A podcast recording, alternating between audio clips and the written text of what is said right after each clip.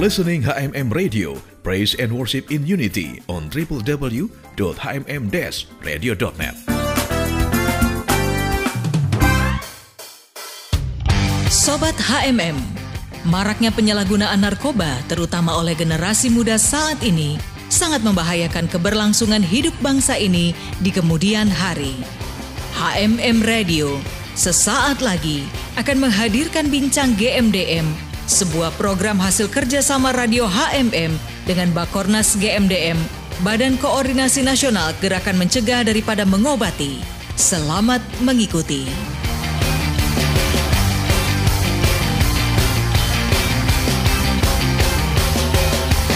Dari kawasan Sentul Bogor, Indonesia, HMM Radio Praise and Worship in Unity.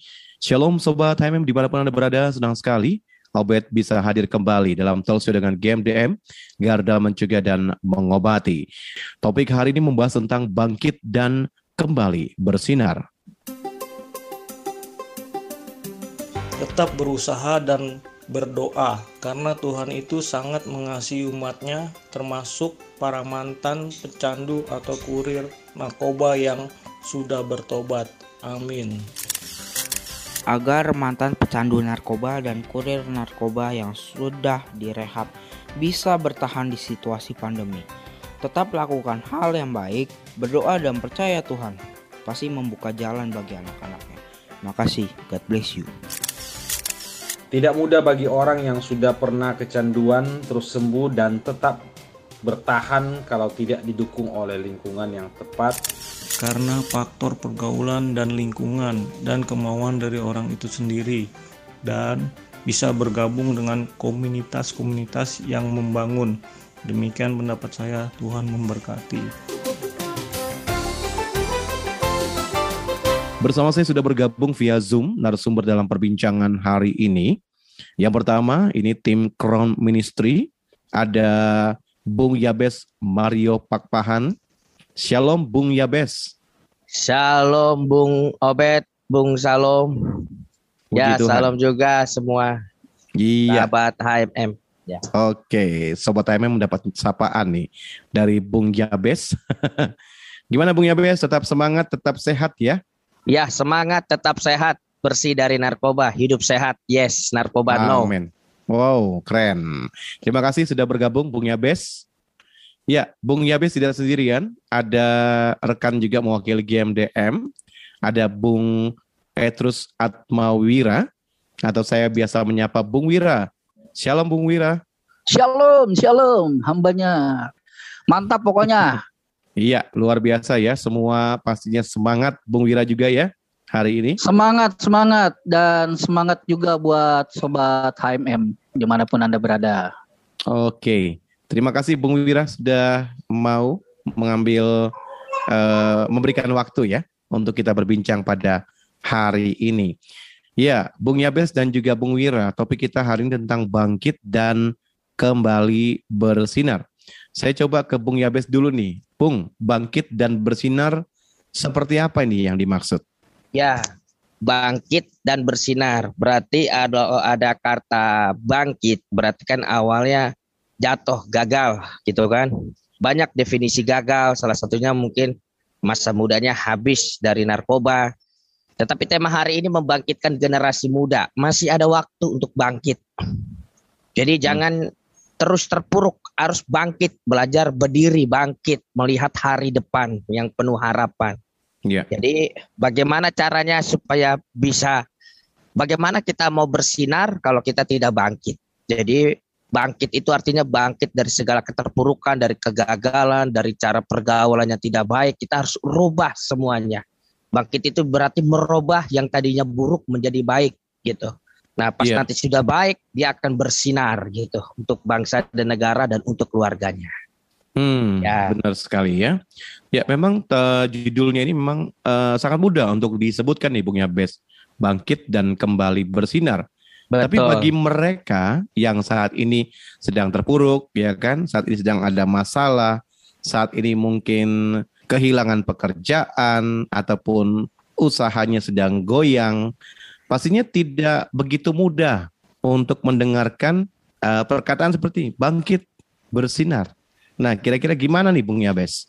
Sebenarnya gini ya, saya juga banyak uh, Tuhan izinkan ya berdekatan lah kepada beberapa pengusaha yang memiliki gedung, tapi waktu itu kan kejadian mall ditutup tuh, yang waktu pandemik besar-besaran tuh kan. Betul.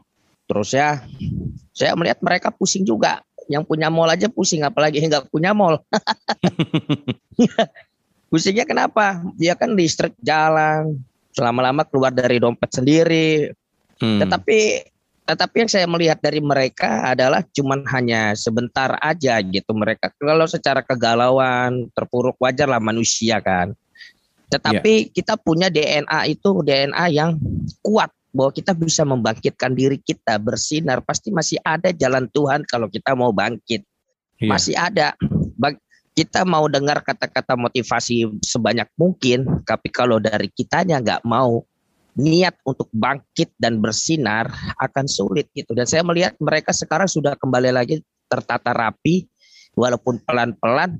Kita harus katakan saya pasti bisa bangkit, saya pasti bisa bersinar. Kita harus punya kepercayaan diri. Yang pertama tuh kepercayaan diri bahwa masih ada Tuhan dalam hidup kita untuk membuat kita hmm. tuh masih bisa melewati segala keterpurukan selama masih ada langit, selama masih ada bumi dengan keadaan baik begini, saya ter terlalu yakin tangan Tuhan itu pasti masih banyak untuk menolong orang yang mau bangkit. Jadi bagaimana dengan mereka yang tidak mudah? Ya, semua kembali lagi kepada diri sendiri. Saya juga ngalamin kok, tapi kembali lagi kepada diri saya. Kita harus happy, enjoy, bersuka cita. Caranya orat et labora, berdoa sambil bekerja hmm. juga. Yeah. Berdoa, mengandalkan yang maha kuasa dan bekerja, pasti akan ada jalan keluar. Saya yakin banget. Iya, jadi harus seimbang ya, Bung Yabes, ora et labora. Betul. Berdoa dan berusaha. Ya. Nah, saya coba ke Bung Wira nih. Bung Wira, bagaimana ini? Dengan tema kita bangkit dan bersinar, sedangkan saat ini sedang situasi pandemi, banyak mereka yang mengalami situasi yang tidak menyenangkan, ada yang di PHK, ada juga yang usahanya uh, goncang gitu. Bahkan tadi Bung Yabe sempat sebut ya, ya punya mall aja pusing. Sama juga dengan yang nge-mall. yang nge-mall nggak bisa ke mall gitu. ya Bung Wira gimana nih Bung? Silakan. Iya. Uh, seorang pahlawan besar pastinya juga pusing di dalam kehidupannya dia. Dia harus ngadepin suatu problem, suatu masalah untuk dia uh, bisa memenangkan satu pertempuran tapi dia akan berusaha untuk mencari jalannya, dia akan berusaha gimana mendapatkan strategi-strateginya supaya dia dapat apa sih? Bangkit ya kan? Supaya jadi pemenang nih gitu kan? Gimana nih caranya? Kan gitu ya. Nah itu yang uh, mereka lakukan gitu. Jadi uh, saya bilang kalau yang namanya seorang pemenang uh, seorang petarung gitu kan pasti dia akan bilang saya pasti bisa saya pasti mampu, saya pasti bisa, saya pasti kuat, saya pasti mampu. Nah, intinya juga yang pertama adalah kita menguatkan diri dulu sama yang di atas kepada Tuhan. Jadi biar supaya kitanya kuat, bisa supaya kitanya bangkit dan kembali bersinar, ya kita harus pendekatan juga sama yang paling pencipta gitu kan. Sang hmm. pencipta, dialah segala-galanya. Nah, coba kita mendekatkan diri sama dia dulu. Yeah. Nah, baru kita nyari solusi-solusinya. Pasti Tuhan bukakan jalannya, gitu loh. Iya, Bung Wira ya. Mm -mm. Jadi tadi sempat untung diperjelas tadi sebut yang di atas ini tadi pendengar mungkin langsung lihat di atas nih Bung Wira. Untungnya diperjelas Tuhan ya. Jadi sobat HMN ya, yang maha kembali kuasa. Iya, kita mendekatkan diri kepada Tuhan dalam situasi apa pun pasti ada jalan keluar gitu ya Bung Wirade ya. Dan kepercayaan iya. diri kita, juga akan uh, bertambah saat kita mendekatkan pada yang maha kuasa. Jadi Benar. ini jalan nih dengan Bung Yabes juga ora et laborea ya. Nah, Bung Wira, ini saya masih di Bung Wira nih. Siapa yang harus bangkit dan bersinar? Silakan, Bung. Iya, setiap orang yang jatuh, setiap orang yang merasa dirinya nggak kuat, dialah yang harus bangkit ini dari semua golongan gitu ya artinya mulai dari pengusaha mulai dari orang yang uh, mungkin mereka bekerja gitu kan dan tidak lepas daripada uh, apa daripada game game sendiri artinya mereka juga yang para pengguna gitu kan mereka yang sudah pernah jatuh mereka akan berusaha untuk bangkit kembali. Ya gimana caranya? Banyak jalan gitu kan. Tepatnya mengatakan gini, banyak jalan menuju Roma gitu kan. Jadi uh, kita ini harus bisa gitu loh. Gimana caranya? Ya itu dia. Nah, kita harus bisa berusaha. Yang pertama adalah pendekatan uh, diri kepada Tuhan gitu kan ya yang maha pencipta, yang maha penguasa, semuanya. Dan yang selanjutnya adalah mencari jalan keluar mungkin dari teman-teman, mungkin dari komunitas-komunitas kita yang baru, mungkin dari sahabat-sahabat kita yang eh, apa mungkin dari masa SMP, SMA atau dan sebagai macam caranya gitu. Itu Bung Obet. Iya, Bung Wira. Tapi ini kan kita uh, kita tahu bahwa Crown Ministry dan juga GMDM kan bergerak untuk mendampingi mereka yang uh, jatuh dalam penyalahgunaan narkoba ya kan. Nah tentunya mereka mungkin mungkin juga saat ini sedang mendengarkan secara uh, kebetulan lagi mendengarkan nih dan mungkin dalam hati mereka berkata bagaimana aku mau bersinar bersinar bangkit saja aku tidak mampu. Nah gimana nih Bung Yabes? Kalau mungkin saja ada kebetulan yang mendengarkan nih Sobat AMM yang mungkin dirinya sedang terjatuh dalam penyalahgunaan narkoba. Silakan, Bung Yabes. Iya, saya saya selalu berkata kepada orang-orang pengguna narkoba waktu di GMDM ya, dan saya melihat ada perubahan. Yang pertama saya bilang kepada mereka, perkataan kita ini kan ada do, perkataan kita ini kan doa kita. Mau apa pun agama kita pasti percaya perkataan itu adalah doa kita. Kalau kita berkata kita nggak bisa bangkit, ya nggak bisa bangkit. Mau diangkat sama 500 orang juga sama aja. Jadi yang saya bilang kepada mereka, pertama itu berhentilah menyesali diri. Karena masa lalu ya sudah menjadi masa lalu, nggak bisa bagaimana. Tapi kita kan bisa merubah masa depan. Kita yang harus bisa merubah masa depan kita, bahwa kita pasti bisa bangkit. Dan juga saya katakan kepada mereka waktu saya terjun langsung, jadikan kegagalan itu jadi pelajaran hidup. Bukan jatuh lagi dalam kehidupan itu, tapi pelajaran untuk jangan mengulangi lagi. Terus yang ketiga, tumbuhkan sikap optimis ke depan. Jadi punya jiwa optimis bahwa saya pasti bisa maju, bisa bangkit, bisa membangun keluarga yang baru, bisa dianggap kepada masyarakat yang dulunya mungkin tidak baik, sampah, tapi akan menjadi emas yang baik dan ber dan saya sendiri juga dulu dianggap seperti itu karena tiap hari kalau polisi datang, Jabes, Jabes, mana Jabes? Ya, sekarang ya Tuhan ubah saya. Malah saya bisa dipakai untuk bisa mengajar ke mana-mana, ke lembaga mana pun. Karena bisa, bisa. Kalau kita menumbuhkan sikap optimis ke depan, kita yakin kita pasti bisa. Bagaimana cara menumbuhkannya? Ya kita sendiri yang harus menumbuhkan sikap optimis, optimis kita ke depan.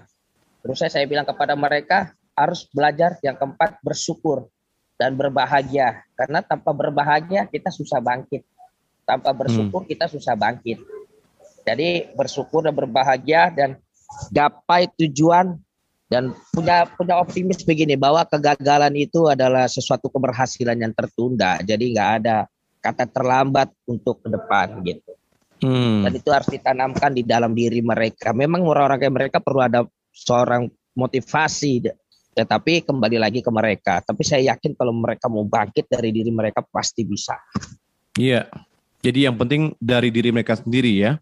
Nah, yes. Bung Wira, Bung Wira, apakah Bung Wira ini sepakat nih dengan apa yang disampaikan tadi Bung Yabes tuh tadi? Harus dari diri sendiri, harus bangkit, kemudian harus optimis, ya kan? Gimana tuh Bung Wira?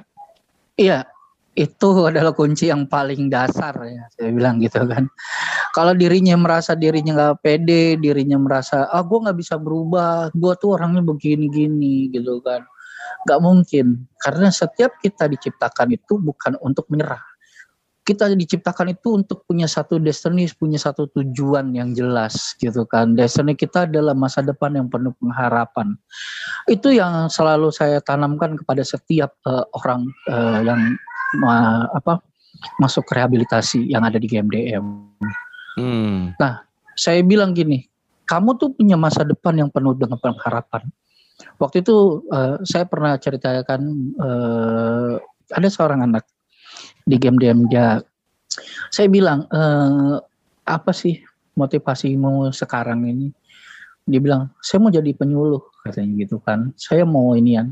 Berarti dia ada satu motivasi yang jelas ke depannya. Bahwa dia pengen orang-orang yang di luar sana gitu kan hmm, supaya tidak terjadi seperti dia gitu Bung. Saya bersyukur banget ketika mereka punya satu motivasi yang jelas mm, uh, untuk masa depannya mereka sendiri gitu loh. Saya bilang wow dahsyat ya gitu kan. Dan uh, ada juga satu anak kecil dia bilang begini, uh, apa yang kamu cita-citakan? Saya mau keluar dari sini, saya mau ngelanjutin sekolah. Wow keren banget saya bilang. Itu yang harus kalian punya saya bilang gitu kan kalian harus tanamkan kepada diri sendiri bahwa saya bisa, saya mampu. Saya akan kembali bersinar. Iya. Jadi memang uh, apa yang disampaikan oleh Bung Wira, kemudian juga Bung Yabes, sekali lagi kita bisa bangkit dari diri kita sendiri terlebih dahulu, sambil juga mendekatkan diri kepada Tuhan. Ya, segala upaya harus dilakukan agar bisa bangkit dan bersinar. Pembahasan akan hadir sesaat lagi. Menurut saya, yang pertama adalah kita harus menerima mereka seperti Tuhan Yesus menerima kita apa adanya. Karena penerimaan itulah yang membuat dia merasa bahwa dirinya itu berharga. Dan yang kedua, setelah kita menerima dia, kita harus bergaul. Kalau bisa kita mementoring, kita jadikan mereka murid supaya mereka tidak terhilang dari uh, penjangkauan kita untuk membawa mereka kembali kepada Tuhan. Dan yang paling terakhir adalah jangan pernah menghakimi mereka, tapi terus arahkan mereka. Kalau bisa kita mendorong mereka untuk mengembangkan potensi mereka yang mereka miliki. Yang harus dilakukan untuk menyelamatkan generasi adalah mulai dari lingkungan keluarga, peran orang tua, didikan, arahan, serta nilai-nilai yang harus ditanamkan sejak kecil itu harus benar-benar menjadi hal yang penting untuk menyelamatkan generasi berikutnya supaya setelah mereka besar generasi muda adalah generasi yang uh, bersemangat, generasi kreatif bisa menyalurkan hal-hal yang positif untuk uh, lingkungannya. Yang ketiga adalah pergaulan. Pergaulan itu penting karena pergaulan yang buruk merusak kebiasaan yang baik. Jadi untuk menyelamatkan generasi ini sangat diperhatikan untuk dengan siapa kita bergaul, apa yang kita lakukan.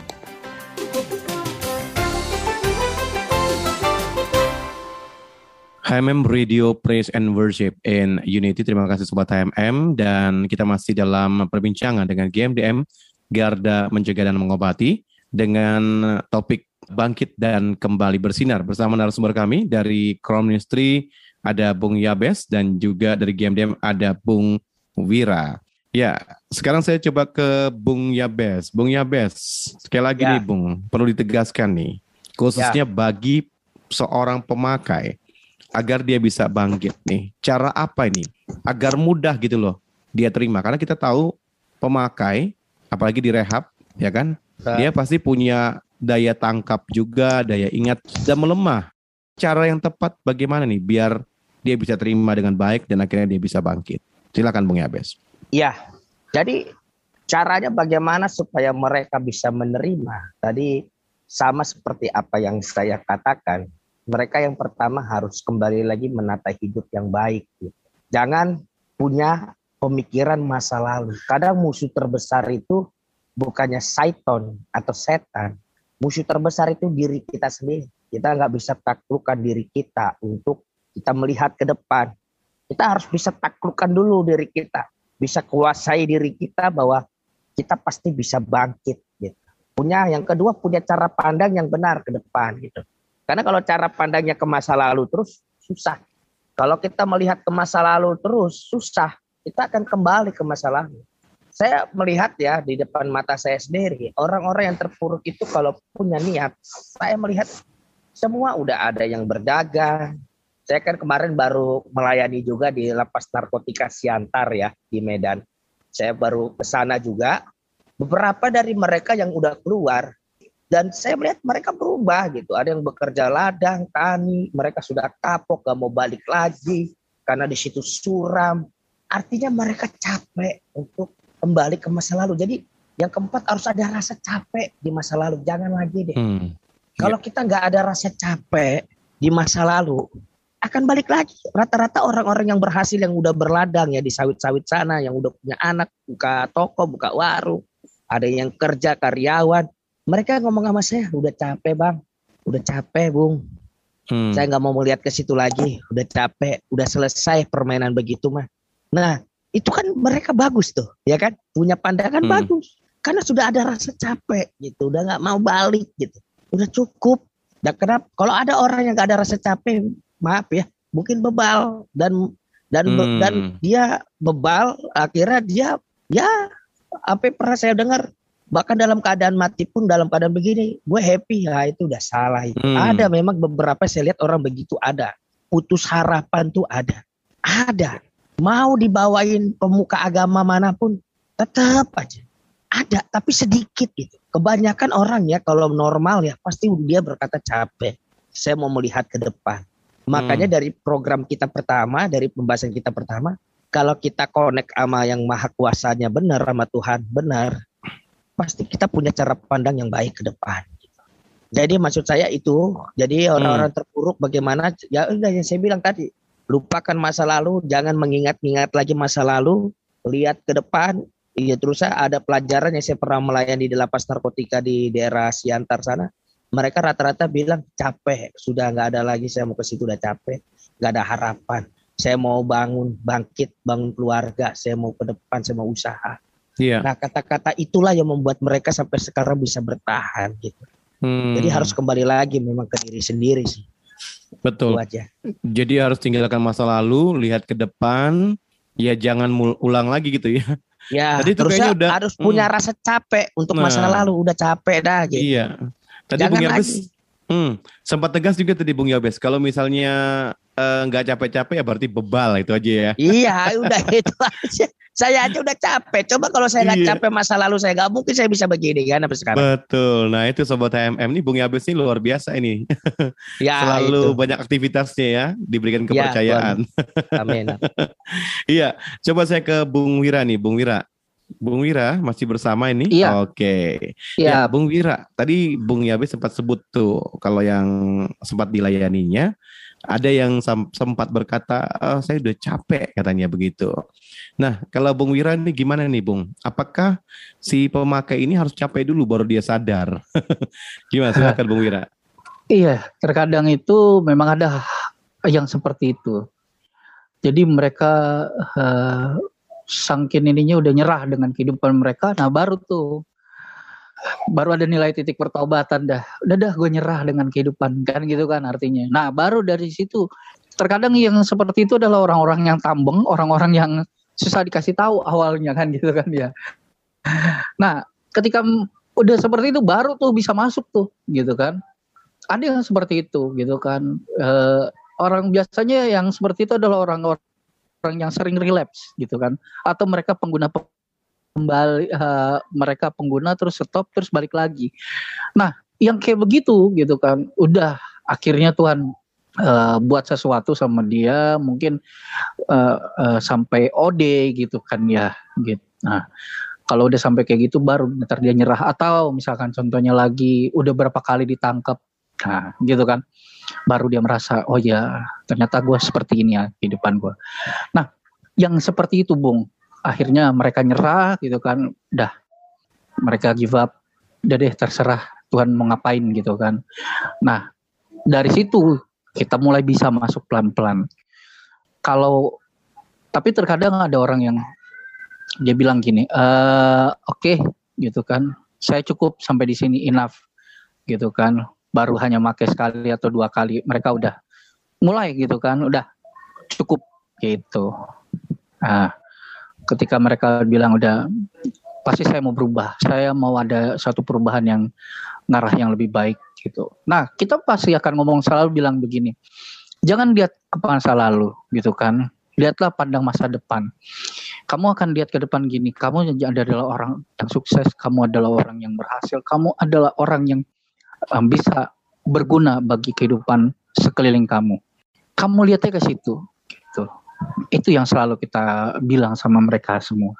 Gitu Bung Obet. Iya, jadi memang uh, mereka harus terus dibimbing ya, Bung Wira ya, supaya mereka bisa sadar dan apalagi kalau mereka sudah benar-benar merasa capek, kalau tidak dibimbing dengan baik, pastinya mereka tidak akan bangkit dan tidak akan bersinar, begitu ya, Bung Wira? Iya, ya, Bung. So, iya, iya. Uh, nah, biasanya ini memang um, para pemakai itu memang sulit nih, Bung Wira. Nah, pendampingan yang dilakukan Bung Wira sendiri nih, supaya mereka akhirnya uh, sampai pada titik kesadaran dan akhirnya mereka mau bangkit. Apa ya. yang dilakukan Bung Wira? Ah, saya pun termasuk apa ya uh, di bagian game game dan termasuk juga di Crown Ministry juga bersama uh, Bung Jabes Mario Pakpahan. Nah, kita itu uh, di bagian kerohanian pun kita akan selalu ngasih tahu, kita akan bilang sama mereka gitu kan bahwa kamu mampu kok kamu bisa gitu loh. Selalu kita ingatkan kepada mereka bimbingan-bimbingan yang seperti itu loh, pendekatan diri sama Tuhan gitu kan yang yang uh, paling utama gitu kan. Kalau terus apalagi kalau misalkan mereka masih ada keluarga dan mereka uh, keluarganya um, bisa dikontak, bisa dihubungi, biasanya dari pihak keluarganya itu kita juga harus pendekatan sama pihak keluarga. Biar supaya kenapa? Uh, pihak keluarga pun akan tahu gitu loh bahwa mereka ini adalah manusia-manusia yang uh, bisa uh, kembali bersinar, mereka bisa uh, maju, mereka bisa uh, apa mempunyai masa depan yang penuh dengan pengharapan. Mereka nggak seperti yang uh, sekarang mereka bayangkan. Kita bilang sama keluarga-keluarga mereka, inilah pendekatan-pendekatan kita sama mereka, dan kita akan bilang supaya mereka uh, kuat gitu. Intinya seperti seperti itu, Bung.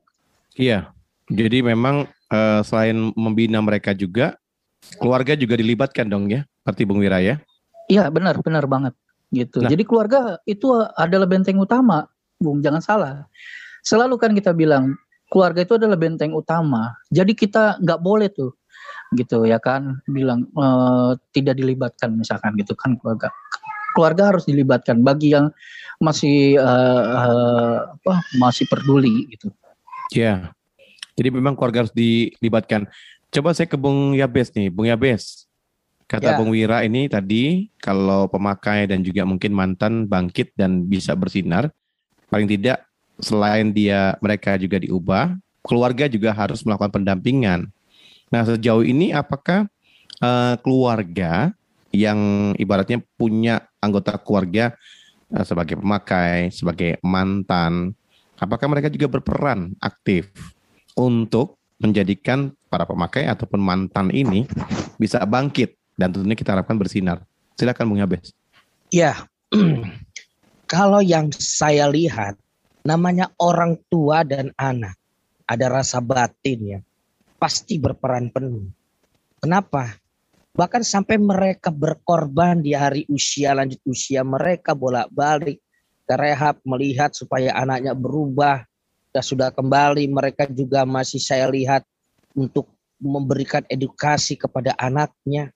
Ada rasa semangat dari keluarga-keluarga itu yang saya lihat.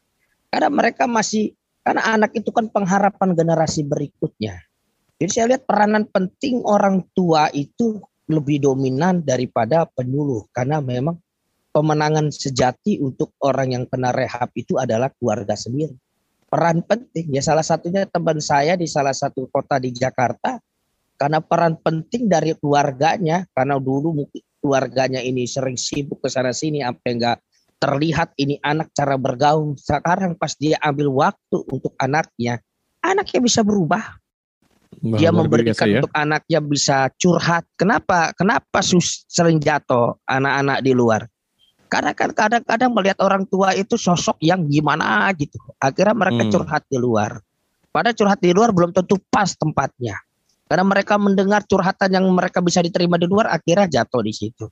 Dan ketika orang tua sudah mulai mengambil peranan bukan hanya sebagai antara ayah dan anak, tapi mempunyai hati bapa ya. Hati bapa itu maksudnya memiliki memiliki hati yang mau mendengar curahan anaknya tanpa harus menghakimi atau menjatuhkan, tapi tetap menggendong anaknya walaupun dia udah dalam usia dewasa muda, tapi tetap menggendong anaknya dalam arti bukan digendong, maksudnya tetap dalam arti memberikan semangat buat anaknya.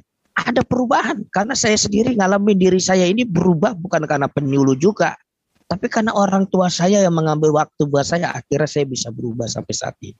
Ya bersyukur Jadi peranan, ya. ya peranan keluarga itu nomor satu kalau keluarga kembali utuh, saya terlalu yakin 100% anak itu pasti bisa berubah. Nah, ya itu aja. Bung Yabes, ini kan keluarga utuh uh, dan peran keluarga itu sangat penting banget gitu ya. Yang lebih berperan uh, harus apa ya maksud saya lebih banyak kira-kira dalam keluarga itu siapa ini? Apakah ayah atau ibu nih? Yang paling berperan lebih banyak menurut saya ya ayah dan ibu. Dua-duanya oh. harus seimbang. Dua fungsi ayah ya? adalah fungsi sebagai imam yang membawa anaknya untuk mengenal Tuhan. Fungsi ibu adalah fungsi yang mengayomi kepada anaknya yang memberikan pengajaran-pengajaran edukasi tentang bahaya narkoba supaya anaknya bisa mengerti. Hmm. Jadi bagi saya fungsi ayah dan fungsi ibu itu dua-duanya sangat penting sekali dan memiliki peran masing-masing. Iya. Ya. Jadi dalam keluarga peran ayah dan juga ibu itu sangat penting untuk membuat uh, baik pemakai ataupun mantan pemakai ataupun penyalahguna narkoba ini bisa bangkit dan kemudian mereka bersinar ya. Dan bersinar ya. ini dengan kata lain ya mereka berdampak ya Betul. buat hidup mereka, buat hidup orang tuanya, Betul. dan juga orang-orang sekitar. Ya, ini semakin menarik nih, Bung Yabes dan juga Bung Wira. Nah, coba saya ke Bung Wira dulu nih. Uh, kiat nih, Bung Wira. Uh, kiat agar mantan pemakai ini terus bangkit dan bersinar. Tapi kita akan bahas sesaat lagi. Keluarga itu buat saya adalah tempat yang paling nyaman di muka bumi ini Tuhan berikan keluarga sebagai tempat menaruh segala perasaan, baik itu senang ataupun sedih. Tempat untuk meluangkan segala rasa. Keluarga adalah lembaga terkecil yang Tuhan bentuk atau ciptakan. Keluarga itu bukan hanya sekedar sekumpulan orang yang memiliki ikatan darah dengan kita, tetapi keluarga itu adalah rumah di mana kita bisa berpulang ketika kita lagi di low position in life, keluarga itu bisa jadi healing pills, bisa jadi penyembuh, bisa jadi obat waktu kita lagi uh, ngehadapin semua hal-hal yang nggak baik yang terjadi di dalam hidup kita. Keluarga menurutku adalah suatu ruang atau tempat di mana bisa bebas melakukan apa pun atau berekspresi seperti apa tanpa adanya diskriminasi atau judgement terhadap kita dan bisa jadi pilihan sandaran ketika berada di titik terlemah kita dari hiruk pikuk dunia luar gitu dengan cukup berada di tengah mereka itu udah berikan ketenangan dan kenyamanan. HMM Radio Praise and Worship in Unity bentuk peran serta Crown dan juga GMDM diharapkan dapat membangkitkan mereka yang terjatuh dalam penyalahgunaan narkoba agar kembali bangkit serta bersinar. Ya, kita akan bahas mengenai kiat agar para mantan pemakai ini terus bangkit dan bersinar. Saya coba ke Bung Wira. Bung Wira, kiatnya nih supaya pemakai ini terus bangkit, mantan pemakai khususnya ya, terus bangkit dan juga bersinar walaupun saat di luar ataupun di masyarakat ada godaan-godaan. Biasanya kan namanya mantan pasti ada teman-teman nih yang suka menggoda. Silakan nih Bung Wira. Iya, yang pertama kiatnya adalah buang dulu semua para teman-teman ya para pengguna. Itu yang pertama, Bung. Maksudnya kita dibuang harus gimana nih, Bung? dibuang artinya kita udah benar-benar uh, jauhi mereka, gitu kan? Hmm. Kita benar-benar uh, buang nomor kontaknya mereka, gitu kan? Dan jangan pernah cari mereka kembali, gitu. Itu yang pertama. Yang keduanya yang yang uh, yang se, saya bilang tadi adalah sudah kita sadar bahwa kita ini adalah uh, manusia yang harus bisa kembali bangkit, ya kan? Daripada yang tadi saya bilang kita harus mendekatkan diri sama Tuhan. Itu kiat yang kedua. Yang ketiga adalah kita mau dirubah sama Tuhan bahwa kita itu uh, bisa gitu kan, bisa kita mampu kok gitu. Dan punya pemikiran bahwa pemikiran kita itu harus jauh lebih maju daripada sebelumnya. Udah nggak usah ingat-ingat yang lama, tinggalin aja yang lama gitu kan. Ingat yang baru. Jadi uh, mungkin uh, kalau saya bilang adalah gini, pastikan kita punya mimpi. Ketika orang punya mimpi, itu pasti akan terwujud, gitu kan. Suatu hari kita nggak tahu waktunya kapan. Yang pasti itu adalah kairosnya Tuhan. Oh itu waktunya Tuhan. Tapi kalau kita mau berusaha, pasti mimpi itu akan tercapai. Pasti mimpi itu akan menjadi kenyataan. Ya, seperti saya bangga sekali dengan Bung Jabes. Uh, dia mau berubah, dia mau melihat uh, masa depannya yang uh, gemilang gitu kan. Dia mau lihat dia masa depan yang uh, bersinar. Dia berusaha untuk bangkit dari keterpurukannya, dari uh, kejatuhannya dia dulu. Wow, keren banget bagi saya gitu ya kan. Nah, untuk para pengguna dan uh, apa sahabat HMM di mana pun uh, anda berada gitu kan, ya coba yang pertama itu yang tadi saya bilang punya dan rubah dulu cara paradigma kita gitu. Kita harus rubah nih gitu kan. Yang pertama kita hilangkan dulu semua nomor kontak-kontak, nomor uh, yang yang teman-teman yang masih memakai apa segala macam. Udahlah gitu kan. Dan kita punya komunitas-komunitas yang baru. Uh, kalau bisa ada bimbing pembimbing rohani kan gitu kan mau uh, agama apa pun gitu kan kita harus punya gitu itu sih Bung Obet Iya Bung Wira jadi memang harus uh, membuang uh, kontak dari teman-teman lama ataupun juga melupakan pergaulan-pergaulan yang buruk gitu ya. Kemudian masuk pada hal-hal yang positif. Mungkin begitu tadi Bung Wira sempat sampaikan. Nah saya coba ke Bung Yabes nih. Sempat disebut tadi Bung Yabes nih. katanya Bung Wira kagum nih Bung Yabes dengan ya, Bung Yabes. Ya. Karena kita juga kan pernah dengar ya kesaksiannya. Sobat HMM juga uh, pernah juga waktu itu Bung Yabes ceritakan sedikit bisa uh, lepas gitu ya. dari penyalahgunaan narkoba ini. Nah, uh, kalau Bung Yabes sendiri nih mungkin bisa cerita nih kiatnya nih. Supaya ini kalau saya lihat kan Bung Yabes ini bangkit kemudian juga bersinar nih berdampak. Silakan Bung. Betul betul betul silakan silakan. Berbagi kisah nih kesaksian. Iya. Jadi kisah pertobatan saya awal itu adalah yang pertama saya sudah merasa capek dengan hal itu. Tadi kan saya sudah sampaikan tiba-tiba saya udah capek gitu dengan hal itu dan saya langsung merubah cara masa depan saya. Dan yang kedua, saya kembali aktif di dalam ibadah. Di situ saya diberikan banyak kebenaran-kebenaran sesuai agama yang saya percayai. Dan saya dibentuk kepada Tuhan yang Maha Esa. Dan saya bersyukur saya punya seorang ibu yang setiap hari mendoakan saya. Dari kecil sebenarnya saya sudah ditinggal oleh ayah saya. Jadi makanya saya sudah bilang peran orang tua itu penting. Seorang ibu aja bisa mengubah saya loh. Tanpa seorang ayah. Tapi itu juga karena Tuhan yang memberikan kekuatan. Dan pada pada saat itu ketika saya sudah merasa capek, saya bangkit. Dan akhirnya saya melihat masa depan itu begitu indah gitu.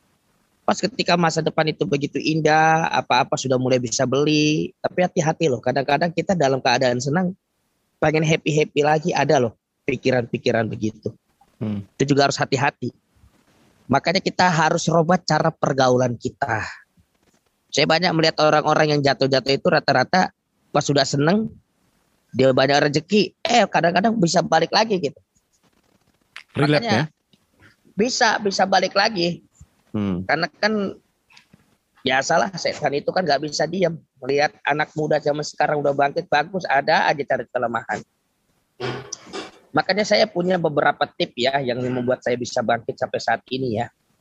Satu, kita harus merubah cara pergaulan kita. Itu penting. Karena kejatuhan 99% itu dimulai dari pergaulan. Rata-rata orang jatuh itu dari pergaulan. Dan yang kedua, hindari keluyuran-keluyuran yang nggak jelas. Gitu. Saya sudah sudah hindari. Terlalu malam saya pulang. Saya nggak mau lagi terlalu malam-malam. Udah. Kita harus hidup sesuai hidup kita manusia yang normal gitu. Jangan berlebih-lebihan. Terus kita harus jadi anak yang berbakti kepada orang tua. Karena dengan cara berbakti kepada orang tua, itu iman kita jadi bertumbuh dengan baik. Itu yang membuat saya selalu tidak pernah lupakan ibu saya. Saya berbakti selalu ada untuk ibu saya. Karena itu yang membuat iman saya bisa kuat sampai saat ini. Terusnya fokus pada hal-hal yang positif. Misalnya olahraga atau ibadah atau apa pun penting itu harus positif, jangan yang negatif. Terusnya jangan terusnya gini, kita jangan takut kehilangan teman gitu. Kadang-kadang kan kalau ada teman-teman ini udah gak benar, misalnya takut kehilangan kita udah main aja deh bareng deh. Sisa cincai lah, jatuh sekali-sekali deh. Yang penting teman tetap banyak. Gak boleh, kita gak boleh ketakutan kehilangan. Masih banyak teman-teman yang baik yang Tuhan sediakan nanti. Kalau udah tahu kita lemah di situ, jangan main dulu. Bukannya kita tinggalkan mereka, tapi kalau kita masih belum kuat ya jangan di situ dulu, harus tinggalkan dulu. Itu sangat penting. Karena saya juga belajar untuk meninggalkan itu Ketika saya ketemu saya sudah menjadi kuat, malah saya menasihati mereka untuk berubah. Kalau belum kuat jangan. Gitu. Terus saya bentengi diri dengan hubungan dengan keluarga, terutama dengan Tuhan. Dan harus punya semangat, katakan semangat. Sahabat-sahabat MM, HMM harus punya rasa semangat. Bekerja harus punya rasa semangat, bangun pagi harus punya rasa semangat, karena kalau nggak ada punya rasa semangat, kan kita mulai gampang jatuh. Semangat melihat masa depan itu penting sekali. Punya cara pandang jauh lebih ke depan.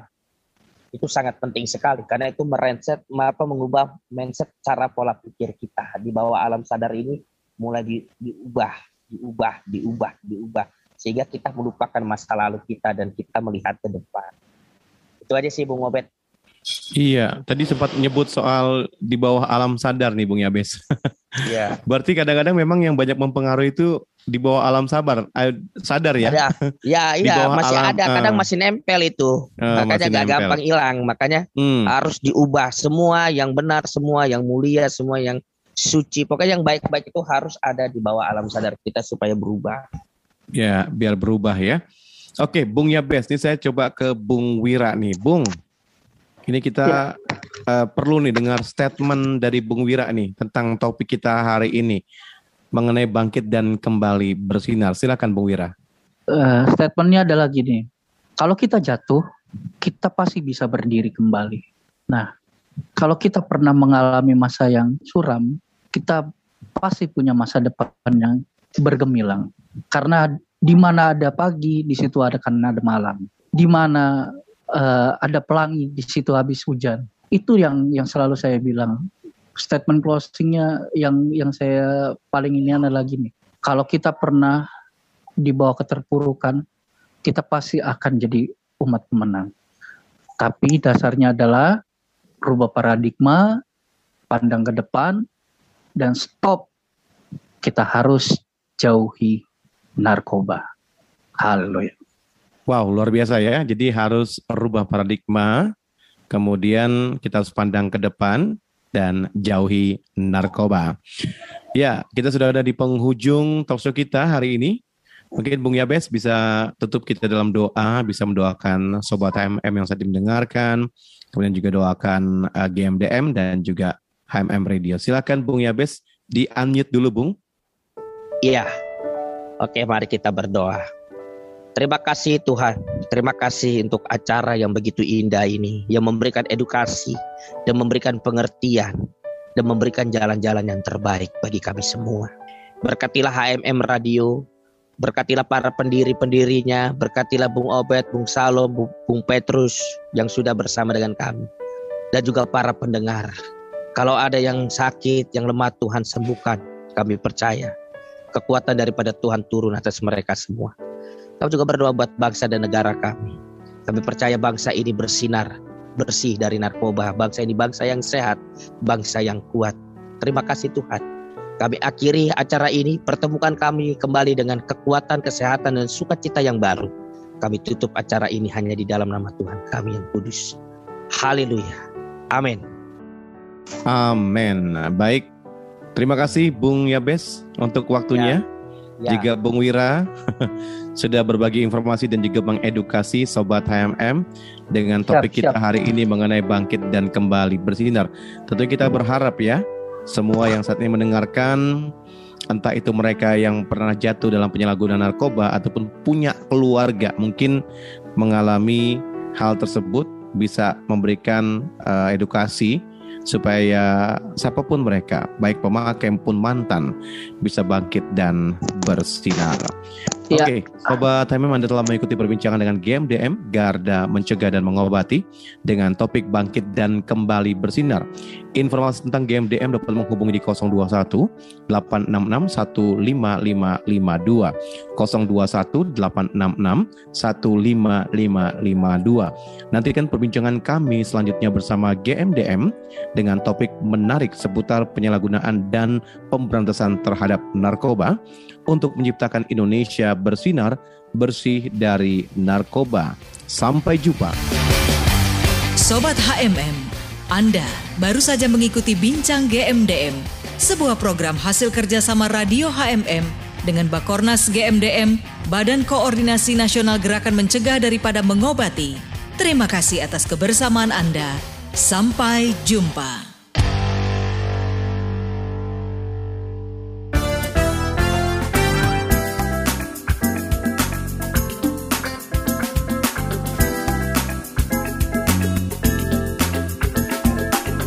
Listening HMM Radio, Praise and Worship in Unity on www.hmm-radio.net.